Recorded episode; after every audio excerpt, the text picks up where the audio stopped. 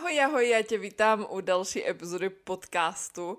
Moc se omlouvám, že minulý týden epizoda nevyšla, ale jak už určitě víte, pokud nás třeba sledujete na Hero Hero, tak víte, že jsme si jeli pro nového pejska a samozřejmě už jednoho máme. A ten přechod na dva, nebo v podstatě zvykání si kasí, což je teda ta naše první, na nového pejska bylo dost náročné. Takže jsem vůbec nestíhala, nebyla jsem schopná se věnovat ničemu jinému než těm pejskům, no a samozřejmě Hero Hero. Takže proto nevyšla pod epizoda minulý týden, ale dneska si to vynahradíme a v podstatě poslední, co mě tak zbývalo z těch typů, co vám předat, jak na výslovnost, na slovní zásobu, na gramatiku, no tak je hovorová francouzština. Dokonce, když jsem se vás ptala na Instagramu, jestli byste mě dali nějaké typy, třeba co byste chtěli v podcastu zpracovat, tak se tam ta hovorová francouzština objevila. Takže se o ní dneska trošičku pobavíme. Já bych asi rovnou na úvod chtěla tak nějak trošičku objasnit tu hovorovou francouzštinu, proč je důležitá, nebo vlastně jak to v té francouzštině funguje. Francouzština je jazyk, který má čtyři registry. První registr je langage soutenu, což je taková nejvíc spisovná, mnohdy až hodně odborná akademická francouzština, se kterou se v běžném životě moc nesetkáte. Nejčastěji se v ní setkáme jako v písemné francouzštině, což znamená v knížkách, v čas, no úplně ne asi v časopisech, ale v nějakých trošku odbornějších článcích, i když i v těch časopisech to může být trošku spisovnější furt, nebo potom při nějakých oficiálních projevech. Potom druhý registr je taková, můžeme říct, langage neutre nebo standard, je to opravdu takový ten, takový ta běžná mluva. Potom máme teda ten langage familier, což je ta hovorová francouzština, nebo taková až možná může být trošičku občas vulgární, hodně se v ní zkracuje. A potom máme langage populaire. Já tomu říkám, že to je langage des jeunes, je to prostě jazyk mladých lidí, je tam hodně verlan, což je takové to obrácení slov. A hodně anglicismu, a podobně. Já jsem tohle z toho hodně rozebírala, dávala jsem konkrétní příklady v online kurzu Hovorová francouzština, který najdete na mých webovkách. Je to kurz, který já nazývám Bible hovorové francouzštiny a ne co všechno potřebuješ znát, aby s francouzů reálně rozuměl nebo rozuměla. Myslím si, že pokud máte tento kurz, tak máte francouzskou běžnou mluvu nebo teda tu hovorovou francouzštinu naprosto v maličku. Opravdu je tam toho masakr hodně, ale jsou to věci, které prostě potřebuješ znát. Když se řekne hovorová francouzština, tak si zatím každý představí, že to je něco nespisovného, vulgárního a hodně lidí mě řekne, ale já chci mluvit spisovně. Já to nikomu neberu, já jsem z začátku taky chtěla mluvit spisovně, chtěla jsem si udržovat tu krásnou francouzštinu, ale pokud tady žijete, tak vás to stejně ovlivní a stejně do té hovorové budete zabíhat. Ráda bych řekla, že hovorová francouzština neznamená nespisovná francouzština. Samozřejmě je to asi jako když v češtině řekneme místo jaký, jaký, něco na tento způsob, ale rozhodně to není nic vulgárního. A dneska se to dokonce používá i běžně v práci s kolegama. Samozřejmě pokud, když, když byste náhodou měli nějakou schůzku s HR třeba, no tak samozřejmě tam se snažíte vytáhnout trošičku hezčí, hezčí slovník, takže se spíš pohybujeme třeba v tom langage soutenu, v tom registru, který je víc spisovný, ale pro běžný život je znalost hovorové francouzštiny prostě naprosto nutná. Bez ní se neobejdete.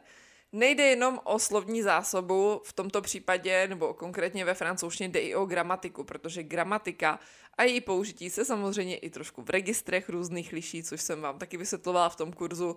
No a v neposlední řadě i výslovnost se liší. Já bych vám tady teďka chtěla dát takový příklad se slovem, který znáte určitě všichni. Já jsem tady tohle řešila i s mou profesorkou a je to výslovnost je ne sais pas. Když to řeknete jako je ne sais pas, tak ne, že by to nebylo úplně jakože správně, ale nikdo to takhle neřekne prostě. U toho je ne sais pas, když jsem se o tom bavila s mou profesorkou, tak jak tam vlastně dává ty důraz na ty všechny němý Ečka, je to fakt to je ne sais pas, tak jsme se o tom bavili, že by to vlastně použila jenom třeba v případě, že by předčítala nějakou báseň. Takže by to fakt zařadila do toho registru langage soutenu, do té nejvíc spisovné francouzštiny. Potom ale máme ten registr langage neutre, langage standard. V té běžné, naprosto běžné francouzštině, které já trošičku přezdělám taková učebnicová francouzština, protože to není úplně taková ta poetická, akademická, extrémně spisovná, je to taková ta běžná, tak tam byste správně tady to je ne sais pas měli vyslovit jako je ne sais pas.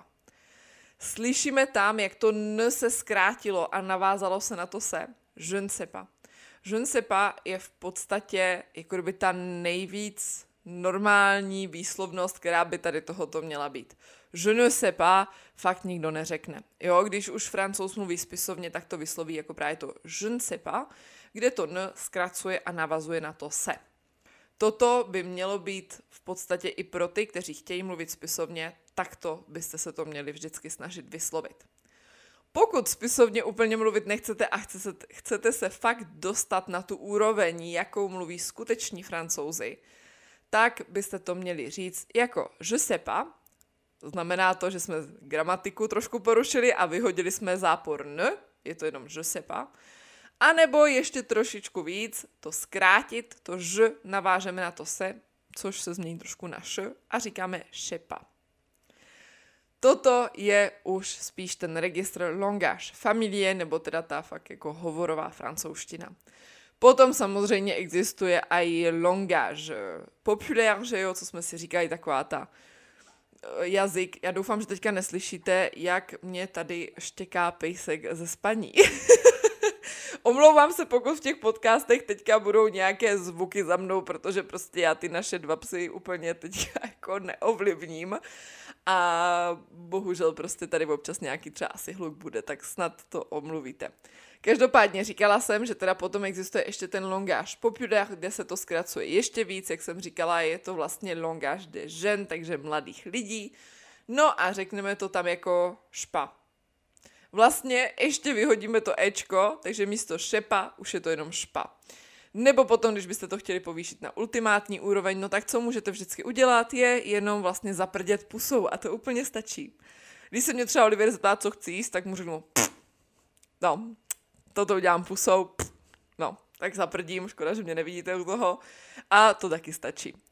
Jo, takže doufám, že jsem tak trošku objasnila ty registry. Samozřejmě víc k tomu najdete v tom kurzu hovorová francouzština, pokud jste na Hero Hero máte na ten kurz 60% slevu. Nebo samozřejmě se potom můžete přihlásit i do 21 denní výzvy, na kterou se můžete přihlásit přes odkaz na mých webových stránkách, je to přímo na úvodní stránce. A v té výzvě jsem taky hodně řešila hovorovou francouzštinu. Teďka teda nějaký ty typy, jak se tu hovorovou francouzštinu učit buď to s mým kurzem, kde to máte všechno naservírované najednou, anebo sledujte francouzské youtubery, youtuberky. Já jsem na hodně z nich dávala i odkazy v 21-denní výzvě, abyste měli tak nějaký tipy na to, koho konkrétně sledovat, nebo potom i z francouzských filmů, nebo z francouzských seriálů.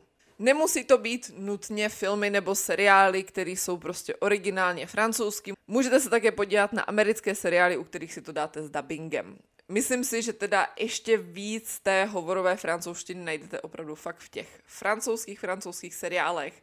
Na ty máte taky typy v té 21-denní výzvě. No a potom je bavit se prostě s francouzi. Francouzi mluví z 90% prostě tady tou běžnou hovorovou francouzštinou, moc to neřeší, hodně věcí si zkracují takže je důležité být potom v kontaktu i s nimi. Já jsem říkala velice často, eh, že si můžete třeba zarezervovat lekce přes iTalky s rodinným mluvčím. Pokud vám nejde přímo o vysvětlení gramatiky, jenom chcete fakt konverzovat, tak si klidně můžete tam najít eh, toho nejlevnějšího a prostě si s ním jenom tak pokecáte a hodně toho můžete z toho načerpat. Samozřejmě ne každý francouz může být taky profesor, nebo to znamená, že je zákonitě dobrý profesor. Já jsem vystřídala spoustu učitelek, než jsem si našla tu svou, protože jsem se chtěla hodně věnovat gramatice, hodně se jí věnovat do detailu tím, že to sama učím, tak já prostě chci ovšem vidět všechno a chci přinést mým studentům i nějaké vysvětlení, proč jsou ty věci tak, jak jsou. A jinak to je v podstatě ono je to o tom být s tou francouzštinou běžnou v kontaktu, takže přes ty filmy, seriály, případně i nějaké písničky. V repových písničkách se setkáte s velkou dávkou hovorových slov, někdy až moc hovorových, hodně vulgárních aj, ale může to být taky další zdroj. Jak jsem vám doporučovala ty seriály, tak samozřejmě si nezapomeňte vybrat i nějaký novodobý seriál, protože když se třeba budete dívat na Bridgertonovi, a dáte si to ve francouzštině, tak tam se naopak setkáte s tak strašně nádhernou francouzštinou, že takovou v běžném životě opravdu neuslyšíte. Já jsem se to tady pouštěla, dívala jsem se na ty dvě řady vlastně před Olivierem tak nějak a on z toho byl úplně konsternovaný, jak ti lidi mluví strašně krásně, že ani on jako rodilej francouz na to není vůbec zvyklý. A ve finále, i když nemám moc rád tady ty zamilované příběhy a podobně, tak se na to díval se mnou, protože ho fakt jako vyloženě fascinovalo to, jakým stylem tam oni mluví. Ty Bridgertonovi a podobné seriály na tento způsob budou zase zdrojem pro extrémně spisovnou francouzštinu, což vám taky doporučuji, protože pokud chcete jít na nějaký certifikáty nebo zkoušky, tak je důležitý tu hovorovou, teda pardon, tu spisovnou francouzštinu mít taky v malíčku. Já na toto chci připravit video na Hero Hero, kde vlastně budu porovnávat slovník nebo mluvu z těch Bridgertonových s tím, jak bychom to řekli normálně dneska. Vypíchneme si z toho minimálně 10 takových obratů, gramatických teda především, který oni tam strašně často používají, se kterými se dneska v mluvě nesetkáte. Ale když byste šli třeba na B2, C1 nebo C2 certifikát, tak si tam z toho prostě sednou na zadek, že něco takového umíte. Samozřejmě pozor potom na to, že třeba i u těch certifikátů, když jsem se o tom bavila s mou profesorkou, tak říkala, že je důležité prostě tam umět využívat ten slovník, který je prostě potřeba na tu danou úroveň. Když, se bude, když půjdete na B1, tak tam určitě neházet nějaký extrémně akademický výrazy, protože by to vypadalo tak jako zvláštně. Jo, to mám přímo typ od ní, ona byla zkoušející na Bčkových certifikátech. Ale když půjdete na C1, C2, tak prostě tady takovýmahle výrazem jim tam naprosto vytřete zrak. Na závěr bych měla ještě takový asi poslední vzkaz, třeba pro ty, kteří by se chtěli bezbavit přízvuku, ale zároveň si chtějí zachovat tu spisovnou francouzštinu. Tady budu přímo citovat francouze, nebo teda hlavně Oliviera. Mě tady ty jeho slova zní do dneška v hlavě, protože já jsem se strašně nechtěla vzdát té spisovné francouzštiny, chtěla jsem mluvit přesně, protože jsem prostě perfekcionista. No a on mě prostě jednou řekl, že se tak snažím o ten přízvuk, aby všechno bylo perfektní, ale pokud prostě nezačnu zkracovat místo je parle, řeknu je parle, místo tady toho je ne sais pas, nebo říkat buď toto je ne pas, nebo pas, tak si stejně každý francouz bude myslet, že odsud nejsem, protože oni takto nemluví. Takže zase se vracím úplně na takový ten začátek všeho a to je dotaz číslo jedna, který se ptám všech, když začínáme lekce, na úvodní lekce se na to ptám každýho. Proč se francouzštinu učíš? Jaký je tvůj cíl? Pokud jsou tvým cílem prostě certifikáty a jenom se to učíš, protože tě to jako ten jazyk baví, tak na ty certifikáty potřebuješ znát tu spisovnou, takže tam doporučuji fakt mluvit spisovně. Pokud se učíš proto, že chceš jednou žít ve Francii, tak mluv jako francouzi. Neřeš tak tu gramatiku, prostě snaž se učit i tu hovorovou francouzštinu.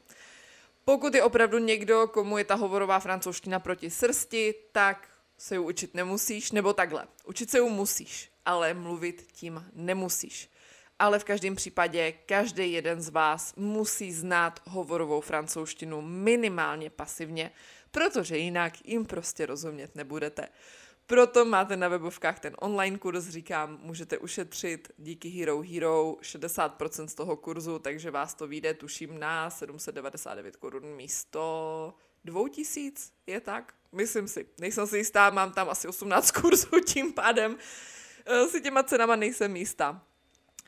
Každopádně zjistíte to na webovkách a jinak pokud byste chtěli zpracovat podcast na jakékoliv téma, určitě mě napište na Instagramu, já se budu těšit na vaše zprávy, na vaše zpětné vazby. Strašně moc to pro mě znamená. Děkuji vám za veškerou podporu et je vous souhaite une très belle journée et je vous dis à bientôt. Salut!